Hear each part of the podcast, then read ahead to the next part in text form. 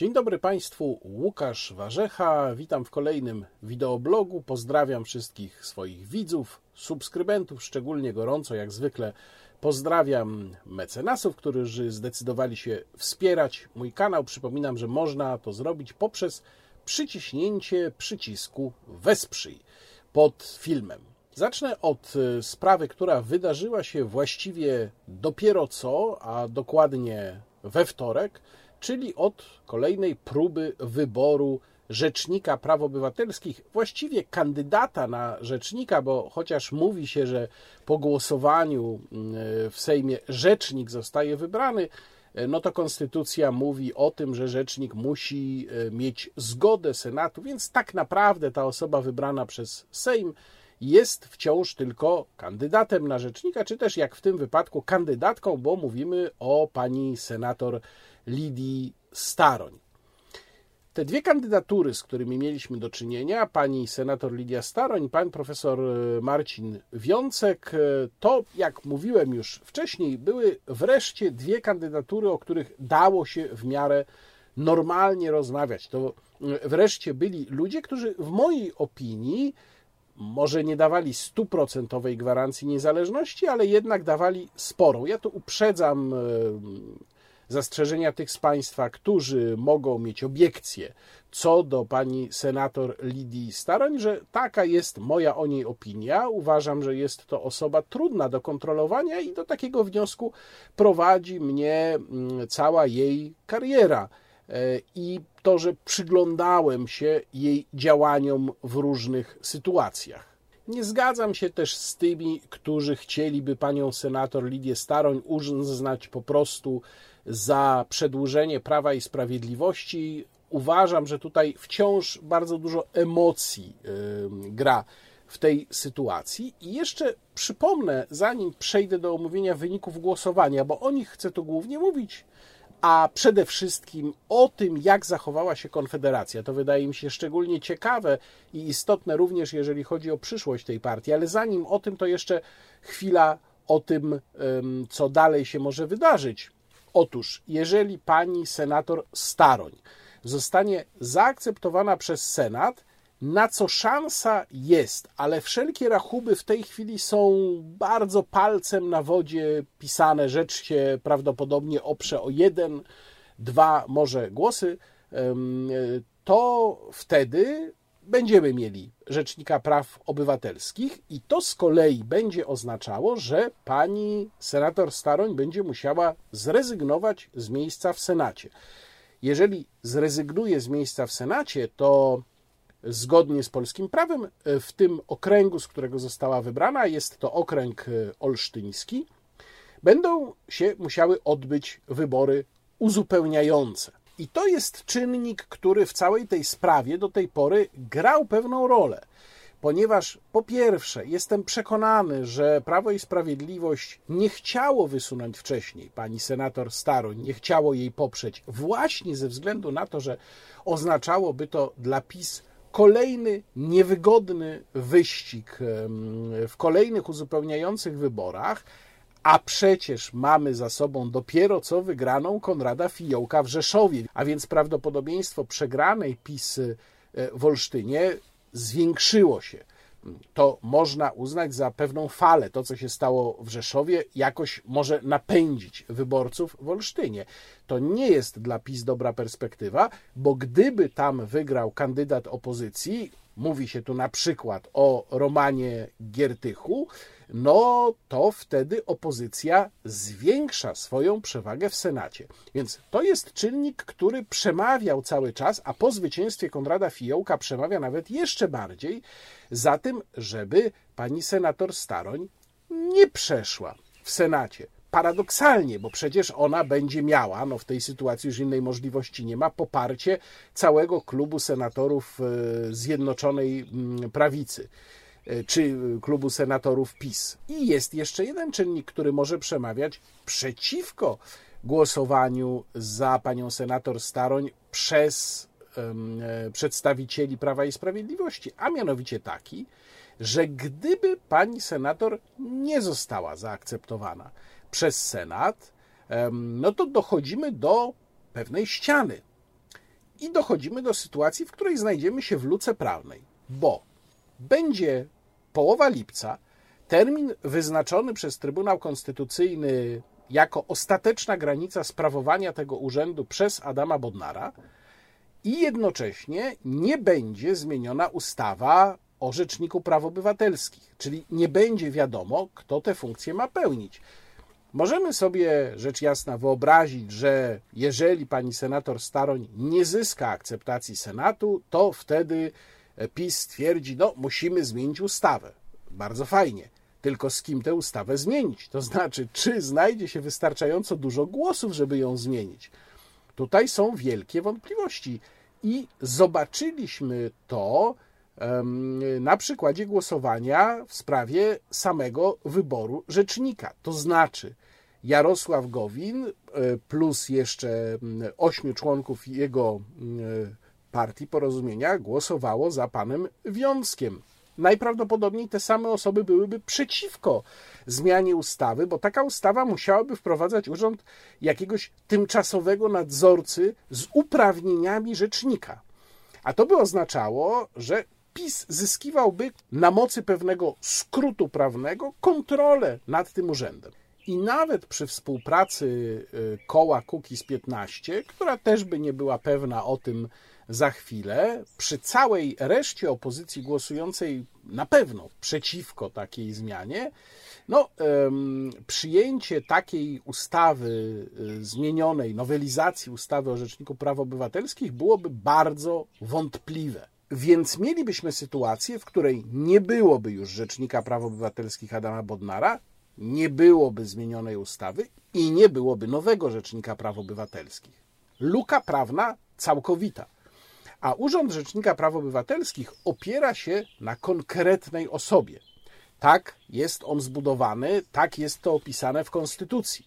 Czyli jeżeli nie ma Rzecznika Praw Obywatelskich, to nie można w jego imieniu wykonywać pewnych czynności. No, na przykład chociażby nie można wnosić skargi nadzwyczajnej, ponieważ nie ma osoby, która jest uprawniona do wnoszenia skargi nadzwyczajnej. To jest jedno z nowych, nowszych uprawnień Rzecznika Praw Obywatelskich, bo sama instytucja skargi nadzwyczajnej jest nowa. Co wtedy? Nie wiem. E, szukałem wielokrotnie opinii konstytucjonalistów, którzy mogliby się odnieść do takiej sytuacji nie znalazłem. Pewnie coś mi umknęło, pewnie ktoś to już analizował, ale ja nie znalazłem. W każdym razie taka sytuacja jest wciąż możliwa. Ja uważam, że dobrze byłoby z punktu widzenia państwa polskiego jej uniknąć. To znaczy, wolałbym, żeby rzecznikiem praw obywatelskich została przy wszystkich moich zastrzeżeniach do niej, bo też takie mam oczywiście, pani Lidia Staroń, niż żeby rzecznika nie było, albo żebyśmy wpadli w tę lukę prawną. Powtarzam, na podstawie obserwacji pani senator y, wysnuwam wniosek i stawiam taką tezę, że to nie byłby rzecznik praw obywatelskich posłuszny Prawu i Sprawiedliwości. Zresztą mm, przy pewnych cechach charakteru urząd zawsze daje możliwość zerwania się temu, kto na ten urząd daną osobę powołał. To była sytuacja chociażby ze świętej pamięci Januszem Kochanowskim, który właśnie w ten sposób zerwał się Prawu i Sprawiedliwości, które ostatecznie doprowadziło do powołania go na urząd Rzecznika Praw Obywatelskich. A więc tyle, jeżeli chodzi o perspektywę tego, co się może stać. Ale chciałbym teraz y, wrócić do samego głosowania, bo tu bardzo interesujące rzeczy się wydarzyły. Otóż na przykład Paweł Kukis, który wyznał, że zagłosował za panią Lidią Staroń, bo go o to poprosił Jarosław Kaczyński. Ja już spuszczam na Pawła Kukiza zasłonę milczenia. Paweł Kukis z tej kadencji to jest jakiś mizerny, żałosny cień Pawła Kukiza z mm, kadencji 2015-19, zwłaszcza z jej mm, pierwszej części, kiedy e, koło, czy klub Kukiz 15 był ośrodkiem, w którym powstawało całe mnóstwo bardzo interesujących e, projektów, odrzucanych zresztą taśmowo przez Prawo i Sprawiedliwość. Ja o tym wielokrotnie wtedy mm, pisałem i chwaliłem Kukiz 15 za merytorykę tych projektów. No, teraz już tego niestety zrobić nie mogę. Paweł Kukis kończy w taki mało spektakularny i niezbyt chwalebny sposób, moim zdaniem, swoją karierę polityczną, ale ten temat dzisiaj zostawiam na boku. W każdym razie, co jest ważne? Koło Kukiz 15 to jest czterech posłów, trzech zagłosowało za kandydaturą pani Lidii Staroń, ale Stanisław Tyszka się wyłamał i zagłosował za panem profesorem Wiąckiem. Więc tu można sobie zadać pytanie, czy Jarosław Kaczyński na pewno kupił tych czterech posłów, czy przypadkiem nie kupił trzech, bo to przecież było bardzo ważne głosowanie dla Jarosława Kaczyńskiego. Głosowanie, które myślę, że to ta teza, która się pojawia w wielu miejscach, jest prawdziwa, które miało przetestować, czy da się już uruchomić nową koalicję. No, wiemy, że bez Konfederacji y, nie udałoby się przegłosować pani Lidii Staroń, więc nie. Test, y, te, ten test, y, czy da się uruchomić koalicję bez Gowina, nie został zdany, bo mm, mimo różnego rodzaju gruźb, w sumie dziewięcioro posłów porozumienia, dziewięcioro razem z Jarosławem Gowinem, zagłosowało za profesorem Wiąckiem. I to jest całkiem dużo, ale tak jak powiedziałem, nie dałoby się pani senator Staroń przegłosować bez posłów Konfederacji. Otóż cóż się wydarzyło w 11-osobowym e, kole Konfederacji? Wystąpił przed głosowaniem pan poseł Dobromir Sośnierz i powiedział, że. Szanowni Państwo, Konfederacja nie interesuje się tym, kto kogo zgłosił, nie interesują nas te układy, układziki, przepychanki. Każdego kandydata zawsze ocenialiśmy i oceniamy indywidualnie. W tym przypadku również byliśmy otwarci, zaprosiliśmy obu kandydatów na dyskusję. No niestety oboje, oboje te dyskusje przegrali. Pani Lidia Staroń walkowerem, ponieważ nie przyszła, a pan Wiącek oprócz tego, że mówił parę rzeczy rozsądnych, to niestety parę takich, których nie dało się słuchać, jak o walce z luką płacową wydumaną przez feministki. W związku z tym nie mamy łatwego wyboru.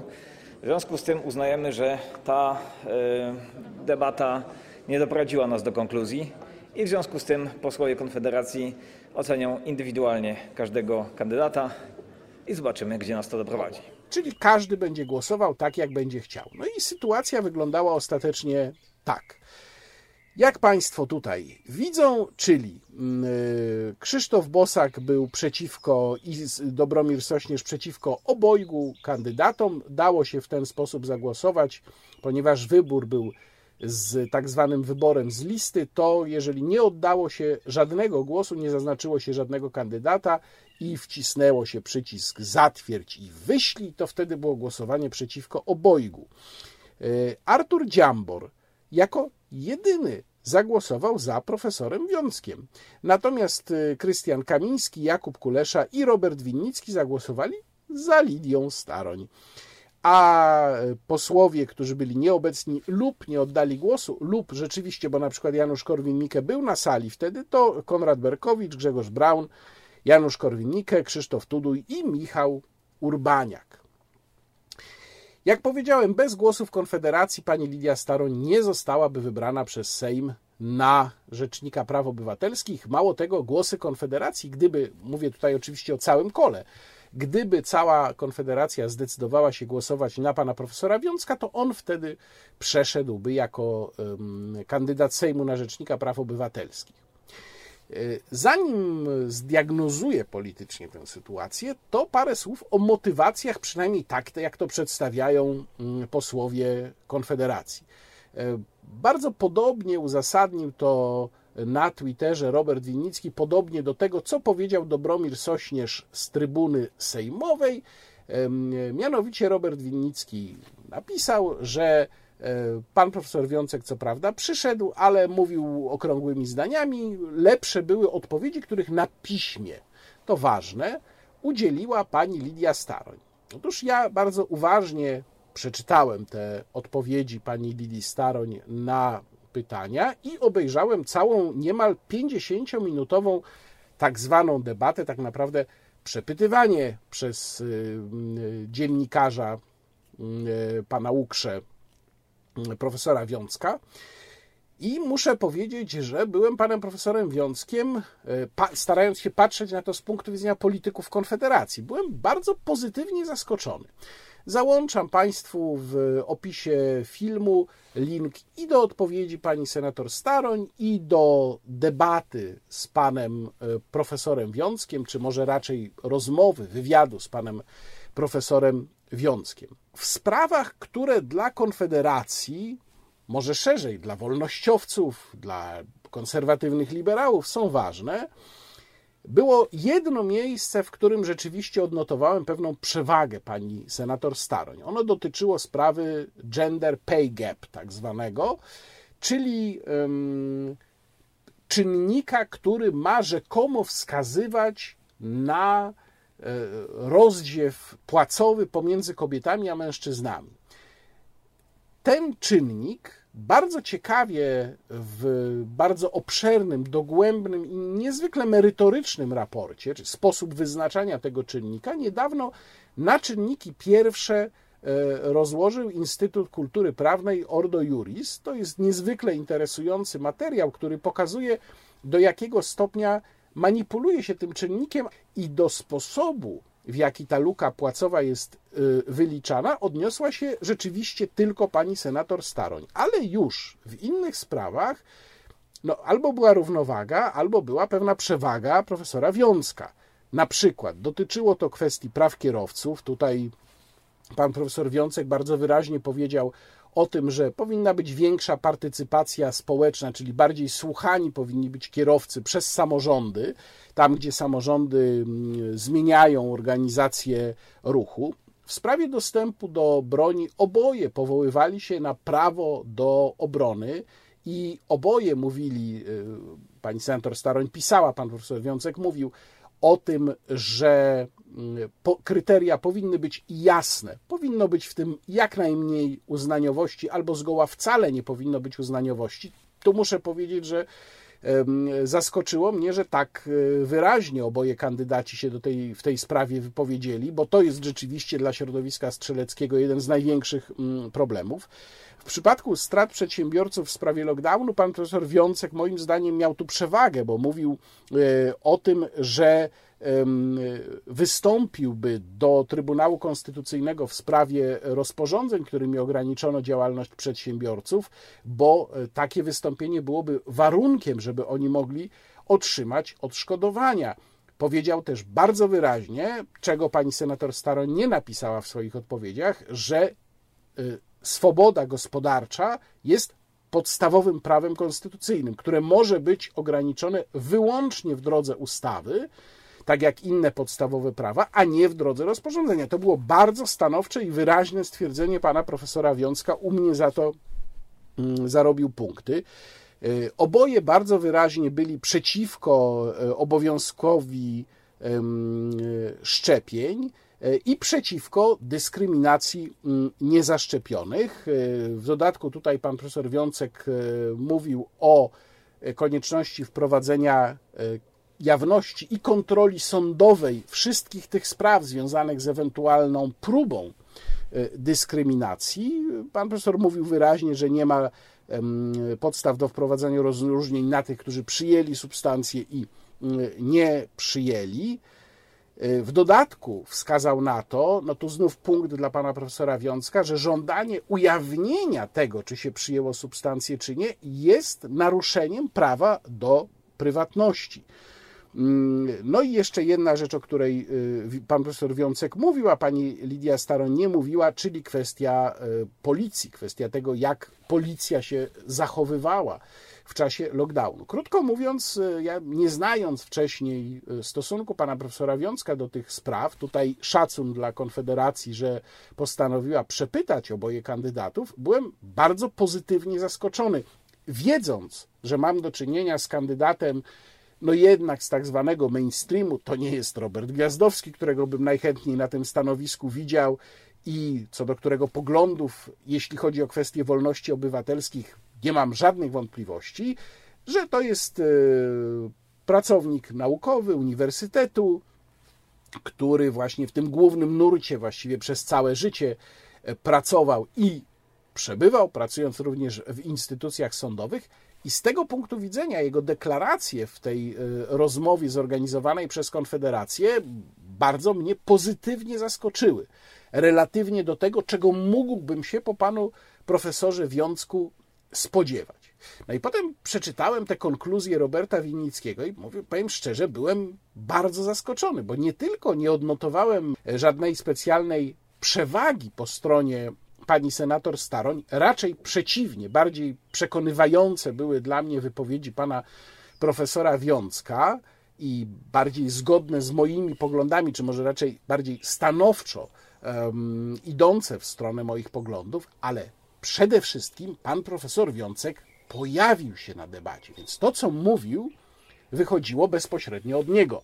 My to wiemy, usłyszeliśmy to od niego. On musiał formułować swoje myśli i swoje poglądy na bieżąco w trakcie tej rozmowy.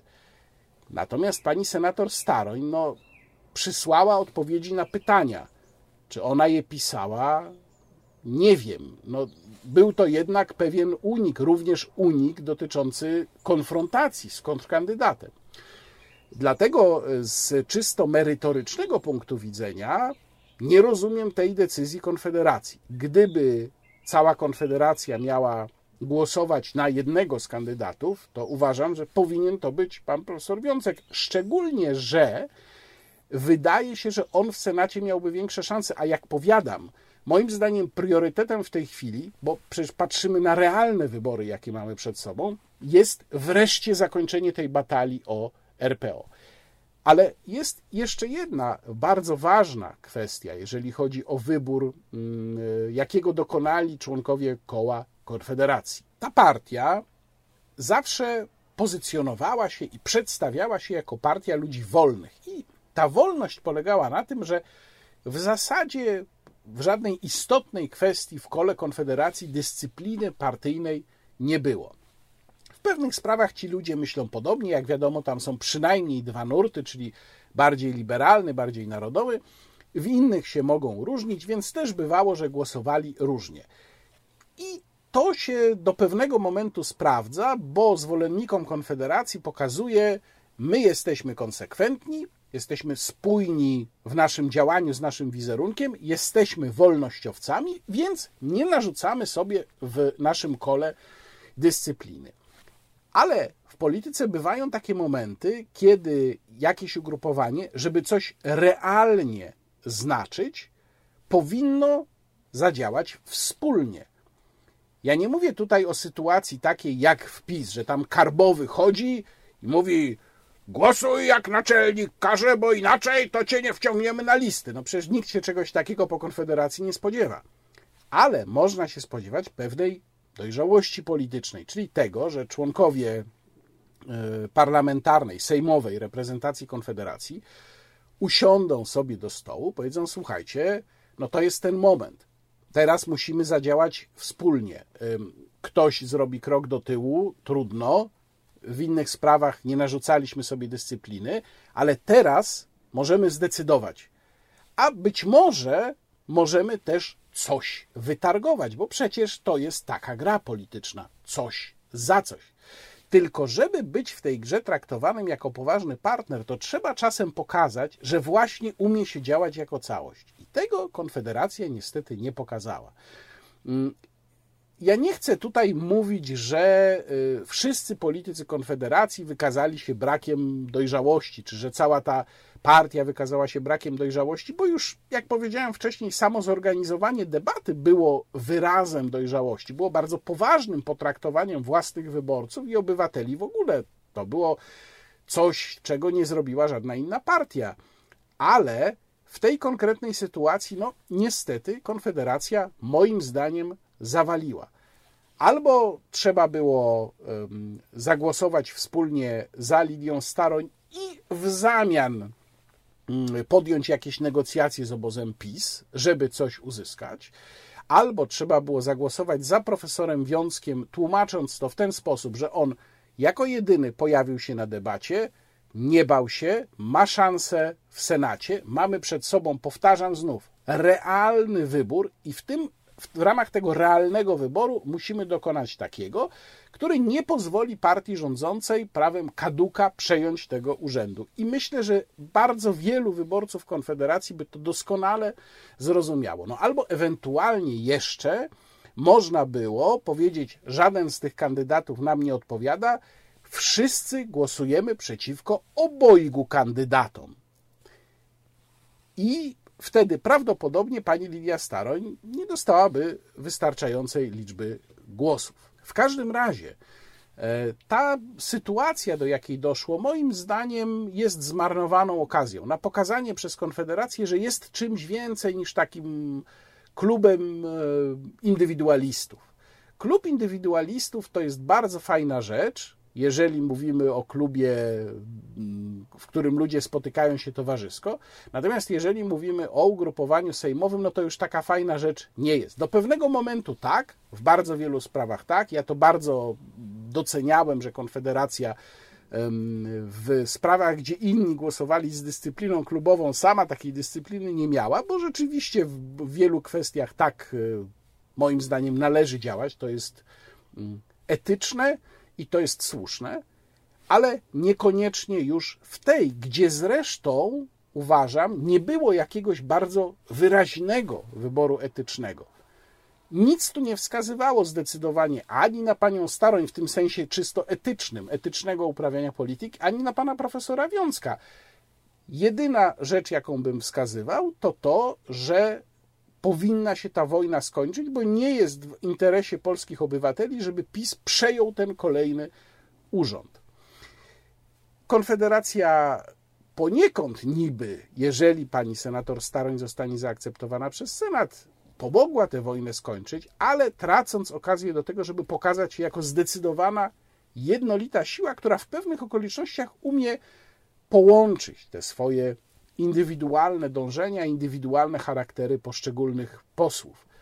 Moim zdaniem błąd, być może błąd z poważniejszymi konsekwencjami w przyszłości.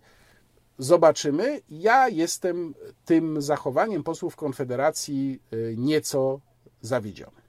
Druga sprawa, o której chcę Państwu dzisiaj powiedzieć, to przypomnienie. Przypomnienie, że wciąż żyjemy w stanie epidemii. Nadal rząd nie zniósł stanu epidemii, mimo że ma do dyspozycji y, stan zagrożenia epidemicznego, przy liczbie zakażeń, tych oficjalnie stwierdzanych, sięgającej 200-300 osób y, dziennie, dawno już powinniśmy znieść stan epidemii, przejść do stanu zagrożenia epidemicznego, albo zresztą w ogóle znieść również stan zagrożenia epidemicznego. Ale rząd w ogóle o tym nie mówi. Ja będę powtarzał w swoich wideoblogach i w swoich tekstach, że mamy obowiązek pamiętać o tym, nawet gdyby to miało nie wrócić, ale tego nie wiemy na pewno. Co się wydarzyło w okresie od marca 2020 do maja 2021, bo wydarzały się rzeczy naprawdę skandaliczne. Nie wolno nam o tym zapominać, nie wolno nam zapominać o tym, co wyprawiała na ulicach milicja, jak byli traktowani przedsiębiorcy, jakie ponieśli straty, ilu z nich straciło dorobek życia, a te kwestie, te wszystkie sprawy, wszystkie problemy, o których w tylu wideoblogach mówiłem, mają teraz nową postać, bo cały czas funkcjonują, czy przynajmniej próbują jakoś funkcjonować ci covidowi celebryci mm, medyczni i też pojawiają się nowi. O na przykład taki doktor Tomasz Karauda z Uniwersyteckiego Szpitala imienia Barlickiego w Łodzi który w rozmowie z korespondentem Radia Z e, mówi o tym, że e, niezaszczepionych powinno się nadal dyskryminować. Co pan sądzi o pomyśle Rady Medycznej przy premierze, aby utrzymać większość obostrzeń dla osób niezaszczepionych? Tak, tutaj pan Karauda popiera czy jeżeli mamy osobę chorą na gruźlicę, możemy ją wpuścić w tłum ludzi na koncert czy do kina? Większość powiedziałaby nie, bo pozaraża innych. A wiadoma choroba, proszę bardzo, można korzystać ze wszystkiego. To tak nie działa. To oczywiście pan Karauda już popełnia fałszerstwo intelektualne, bo utożsamia osobę, która nie przyjęła substancji, z osobą zakażoną gruźlicą. No jest to czymś kompletnie innym. Tu mówi o osobie chorej na gruźlicę, A tu mówi o osobie, która nie przyjęła substancji. No to nie jest to samo. I dalej mówi, chorować będą właśnie antyszczepionkowcy. No tu oczywiście mamy to, co zawsze, czyli wrzucanie ludzi, którzy są z różnych powodów sceptyczni wobec szczepionek, do jednego worka z tymi, którzy w ogóle są ideologicznie przeciwni e, tym substancjom. To jest kolejne fałszerstwo, kolejny fałsz intelektualny, nadużycie, kłamstwo e, powtarzane wielokrotnie od samego początku mm, e, tych wydarzeń przez niektórych. Chyba nie jest dla nikogo zaskoczeniem, że w sprawie limitów w kościołach, bo to jest taki żelazny punkt dla tej lewicowej części zwolenników e, restrykcji, restrykcyjnego podejścia, bo mamy oczywiście też tę część, która nazywa się prawicową, tak naprawdę jest to część pisowska, a nie prawicowa. E, I tu pan Karauda mówi, obostrzenia w kościołach powinny być znoszone na samym końcu. Nie wyobrażam sobie, by świątynne miejsca miały mniejsze restrykcje niż pozostałe miejsca, w których gromadzą się ludzie.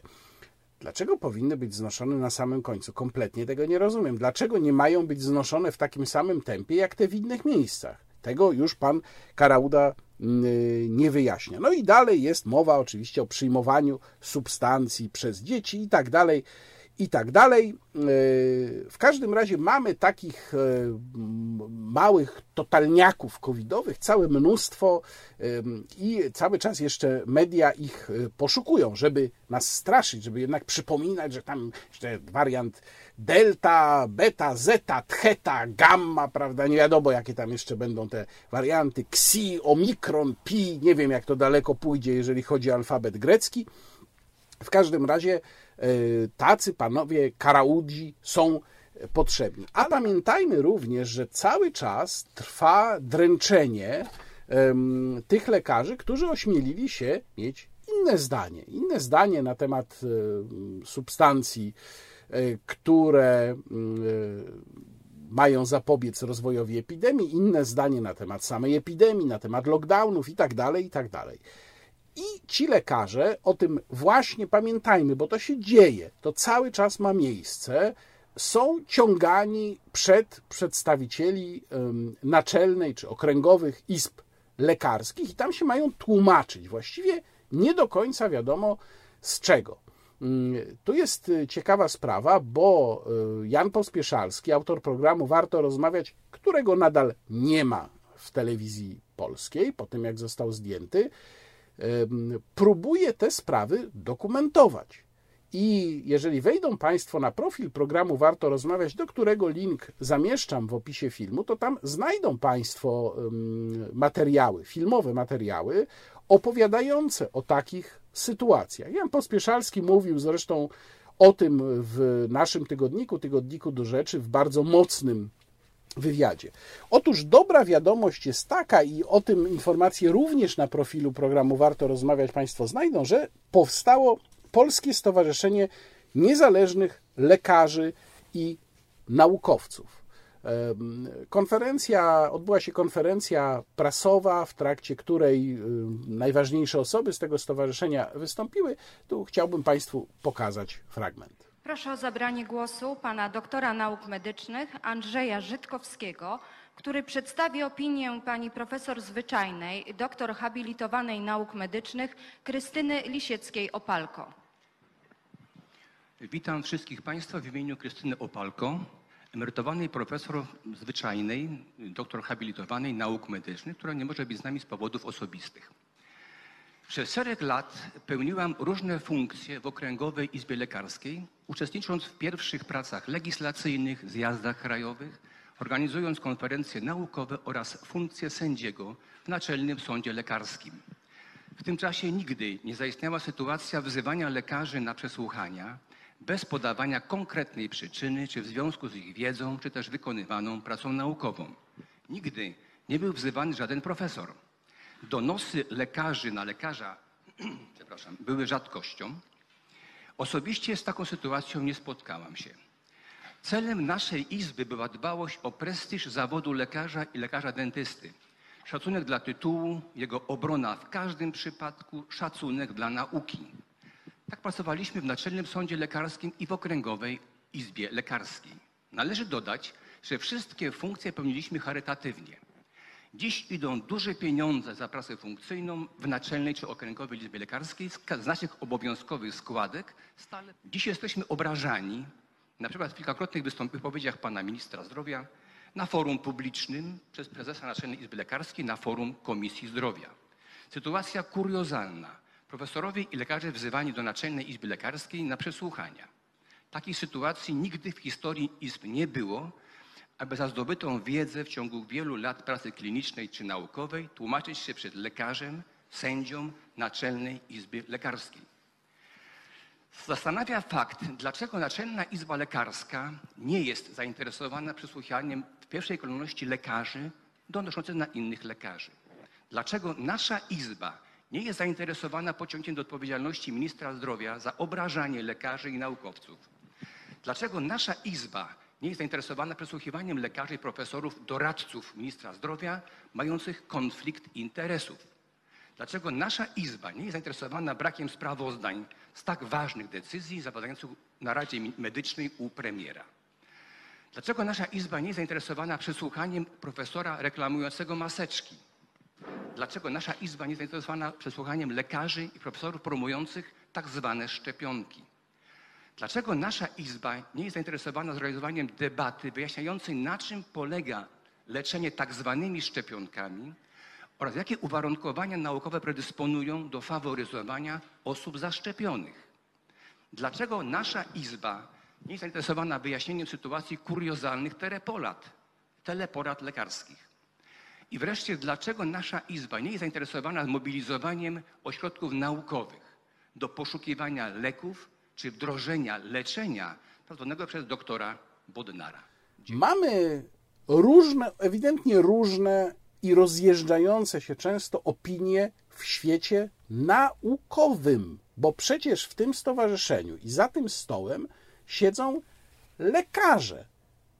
To są lekarze tak samo jak pan doktor Karauda. I teraz pytanie jest, dlaczego część osób chce twierdzić, że tylko pan doktor Karauda jest słuszny, a lekarze z Polskiego Stowarzyszenia Niezależnych Lekarzy i Naukowców już są niesłuszni. Oni są foliarzami, bo mówią coś innego niż doktor Karauda. No nie.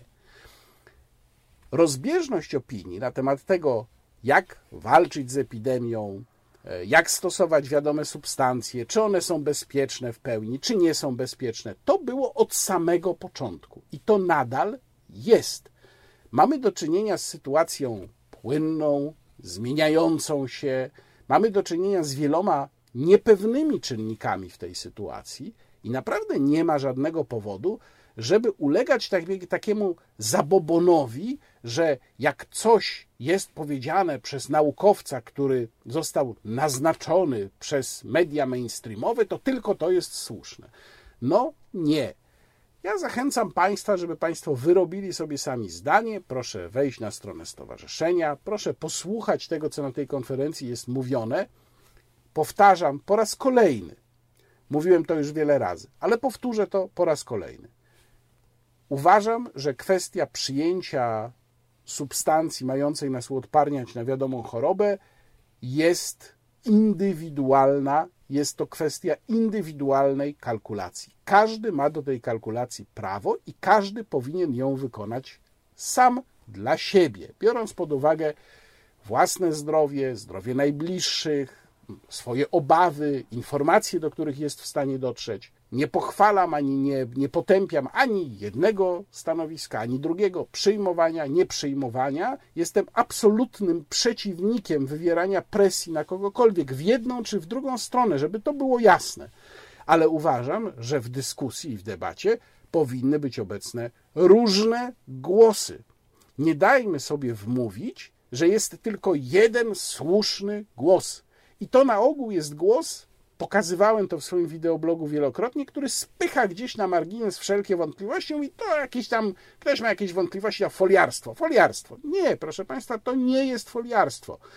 To są głosy, które mają pełne prawo uczestniczenia w debacie. I właśnie zapewnieniem takiej wolności debaty również to stowarzyszenie ma się zajmować.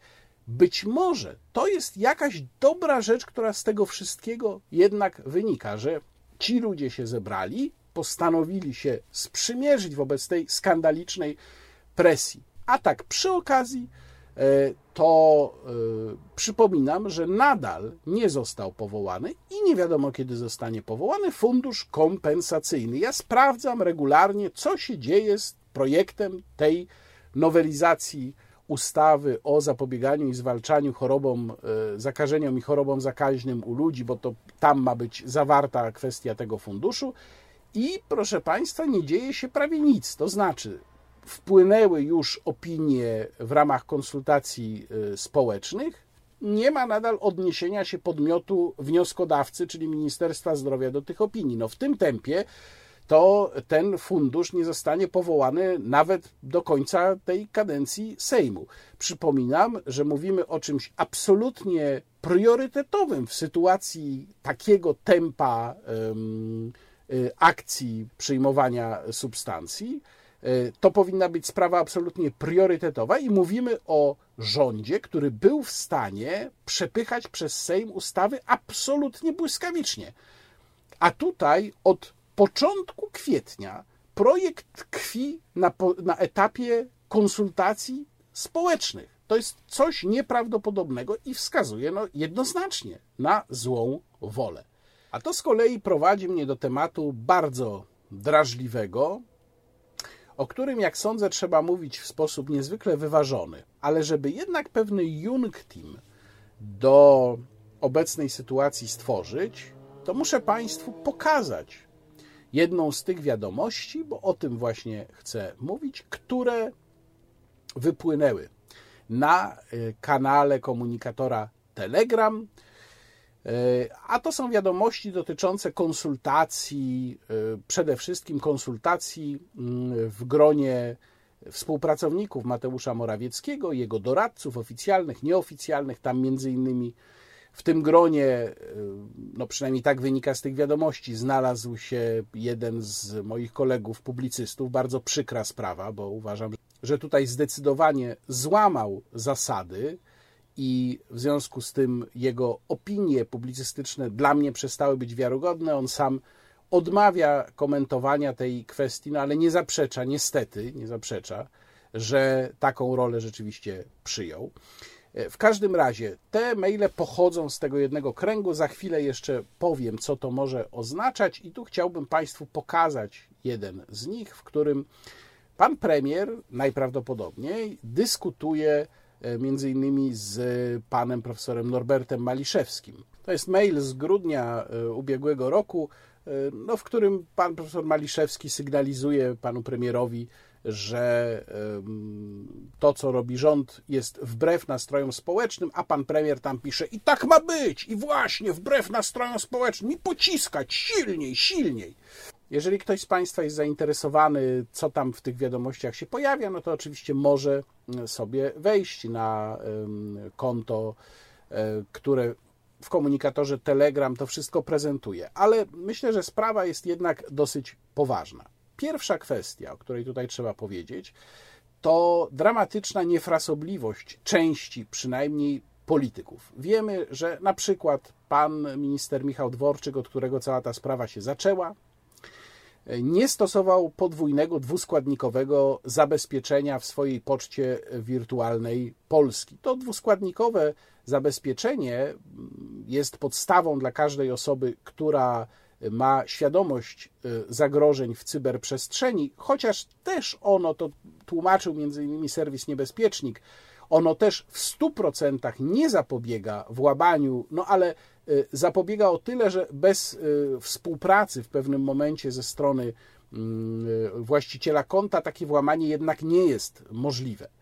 Natomiast ludzie, którzy sprawują najważniejsze funkcje w państwie, nawet jeżeli tych skrzynek pocztowych nie używali do e, komunikacji, na szczęście nie używali do komunikacji e, formalnie niejawnej, czyli nie przesyłali sobie dokumentów niejawnych czy tajnych e, poprzez tę komercyjnie dostępną pocztę, to jednak powinni byli być wyposażeni przez nasze służby specjalne w odpowiednie urządzenia, umożliwiające prowadzenie komunikacji całkowicie bezpiecznej i szyfrowanej. Pytanie brzmi, dlaczego tak się nie stało?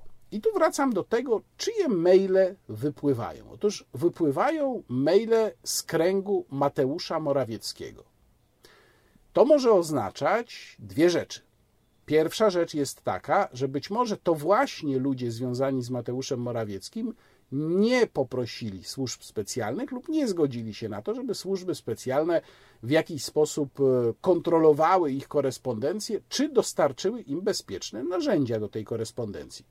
Nie wiem, być może takiej propozycji ze strony służb nie było. To by znaczyło, że jesteśmy państwem już całkowicie niepoważnym. Ale jeżeli taka propozycja była, a mimo to komunikacja dotycząca strategii władzy odbywała się poza takim systemem, to by mogło wskazywać na fundamentalny brak zaufania pomiędzy kręgiem Mateusza Morawieckiego a kręgiem służb specjalnych, kontrolowanym przez pana ministra Mariusza Kamińskiego. I to jest bardzo poważny, byłby bardzo poważny problem dla polskiego państwa.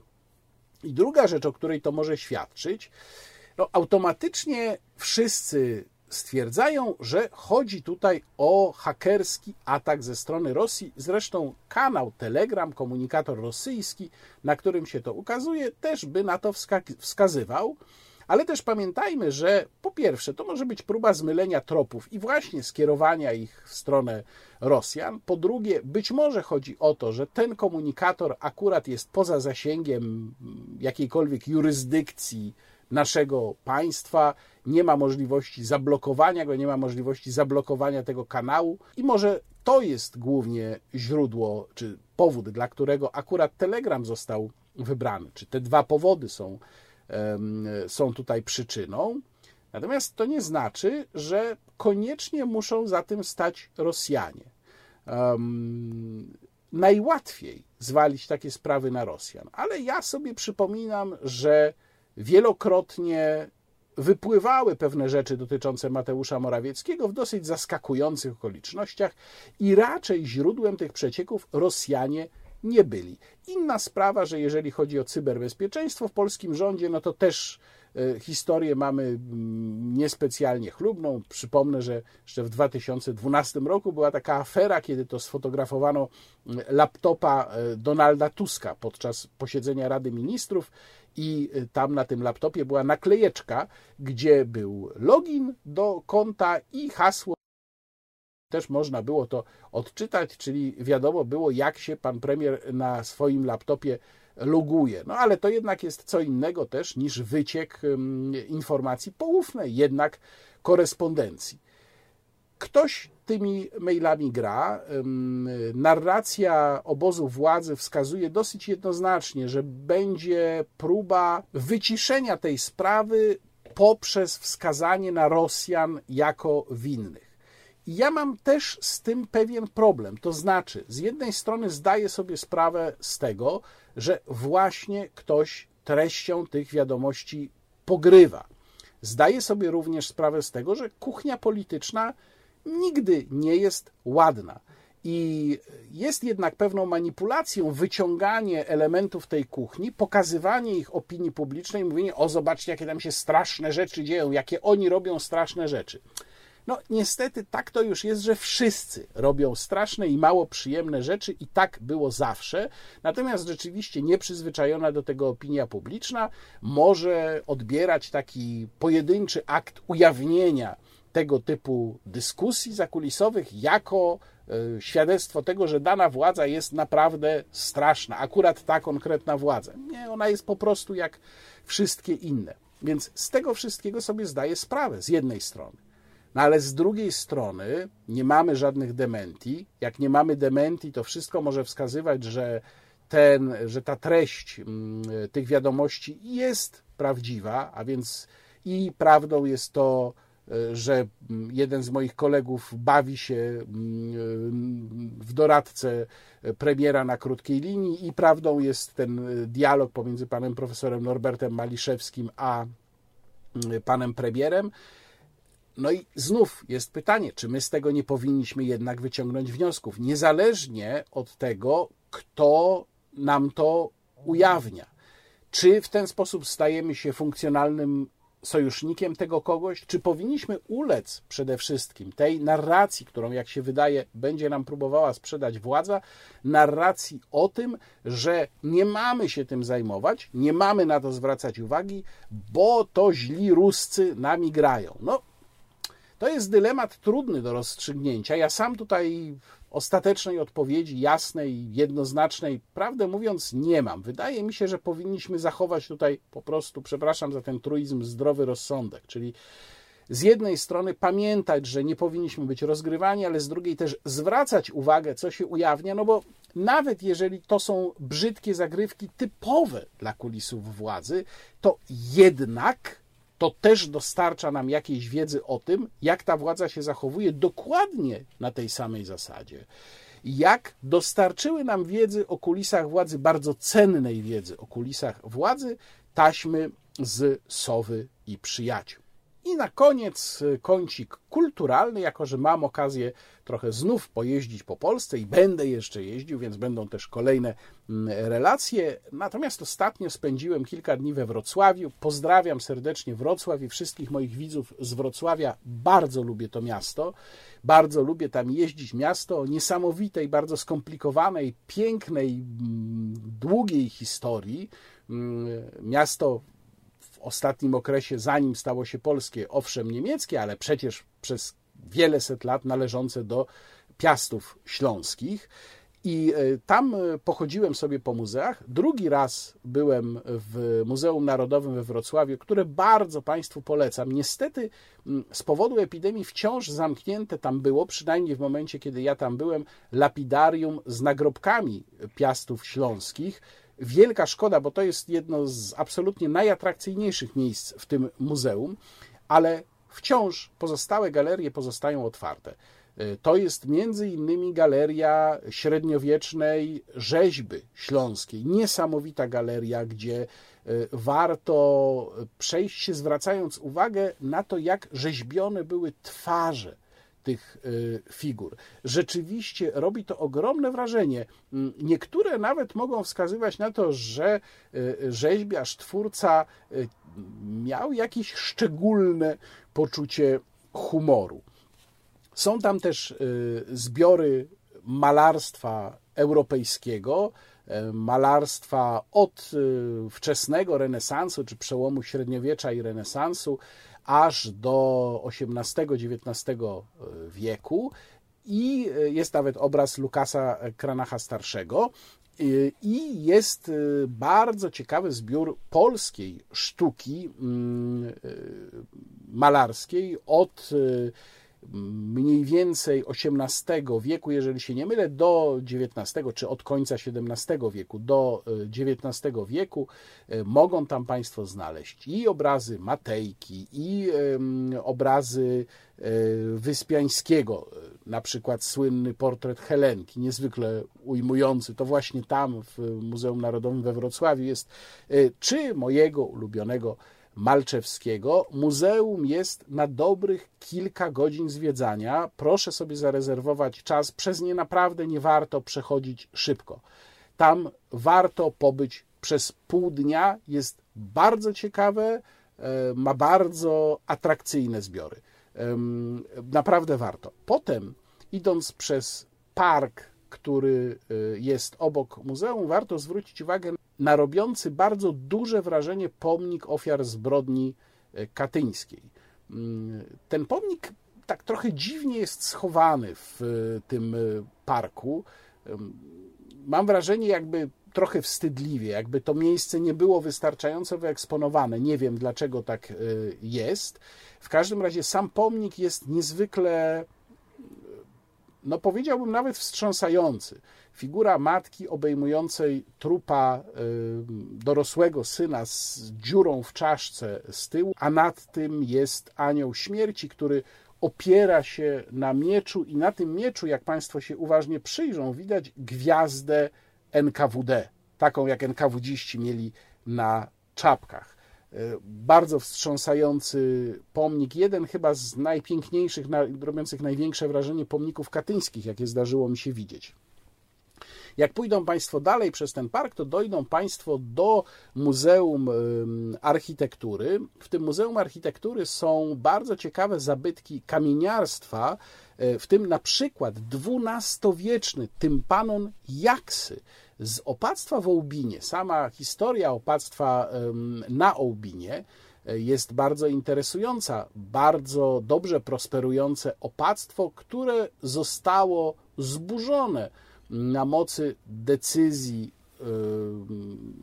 miasta Wrocławia, no wtedy już protestanckiego, fala właśnie protestantyzmu i y, reformacji, zdecydowano w XVI wieku o zburzeniu opactwa w Łubinie katolickiego, doskonale prosperującego i pewne elementy z tego opactwa się zachowały, fragmenty właśnie kamieniarki, bo reszta została wykorzystana powtórnie e, między innymi do budowy prywatnych domów. Reszta materiałów z tego opactwa w Ołbinie.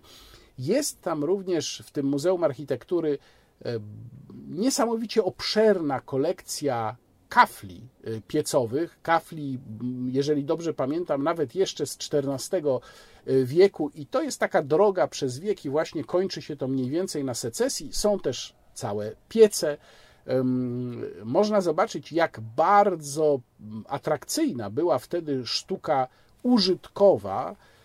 I to prowadzi mnie do myśli o tym, jak dużo się zmieniło od momentu, kiedy właśnie ta sztuka użytkowa była jeszcze rzemiosłem, nawet rzemiosłem, no powiedzmy, manufakturowym, ale jednak rzemiosłem, indywidualnym rzemiosłem, a jak dużo na gorsze tutaj zmieniła produkcja przemysłowa i przemysłowa masówka, czyli nasz XX wiek. To jest po prostu inny świat. E, no, właściwie nawet nie cały XX wiek, bo jeszcze początek XX wieku to była secesja. Od momentu, kiedy pojawiła się e, w naszym życiu e, masówka maszynowo wyrabiana, żyjemy tak naprawdę w świecie zupełnie innej estetyki. I można się o tym przekonać właśnie zwiedzając Muzeum Architektury. Polecam jeszcze ze znanych mi miejsc, y, też je ponownie już odwiedziłem, Muzeum Pana Tadeusza przy wrocławskim rynku. Bardzo y, nowoczesne, multimedialne muzeum. Tutaj Państwo widzą tablicę, która wita w pierwszej sali. Ta tablica poprzez animację, taką mgłę, która się rozprasza stopniowo y, zgodnie z chronologią wydarzeń, pokazuje symbolicznie okoliczności, w których Adam Mickiewicz pisał pana Tadeusza i w tym muzeum znajdą Państwo najważniejszy jego zabytek i chyba najcenniejszy egzemplarz w zbiorach Ossolineum. To jest rękopis pana Tadeusza. Taka ciekawostka, on jest otwarty w gablocie zeszyt, bo on się składa z dwóch części. Tam jest zeszyt w kartonowej okładce i jest oprawiony w skórę taki czystopis pana Tadeusza. I jak Państwo zajrzą na pierwszą stronę, na której otwarty jest ten zeszyt, to zobaczą Państwo, że inwokacja w pierwotnej wersji zaczynała się inaczej. E, ale nie będę Państwu tutaj mówił, jak, żeby nie zepsuć zabawy. Były tam pewne różnice z tą najbardziej znaną wersją. Polecam Muzeum Pana Tadeusza, w szczególności jeżeli mają Państwo dzieci w wieku szkolnym i chcą Państwo, żeby mm, e, dzieci zainteresowały się naszą narodową epopeją. Przyznaję, jest to jedna z moich ulubionych książek. Czytałem Pana Tadeusza chyba trzy albo cztery razy w życiu i zawsze z ogromną przyjemnością. Polecam Muzeum Pana Tadeusza i polecam w ogóle wycieczkę do Wrocławia. Wrocławian serdecznie pozdrawiam. Pozdrawiam również wszystkich moich widzów, subskrybentów i wszystkich moich mecenasów. Do następnego razu. Kłaniam się Państwu. Łukasz Warzecha.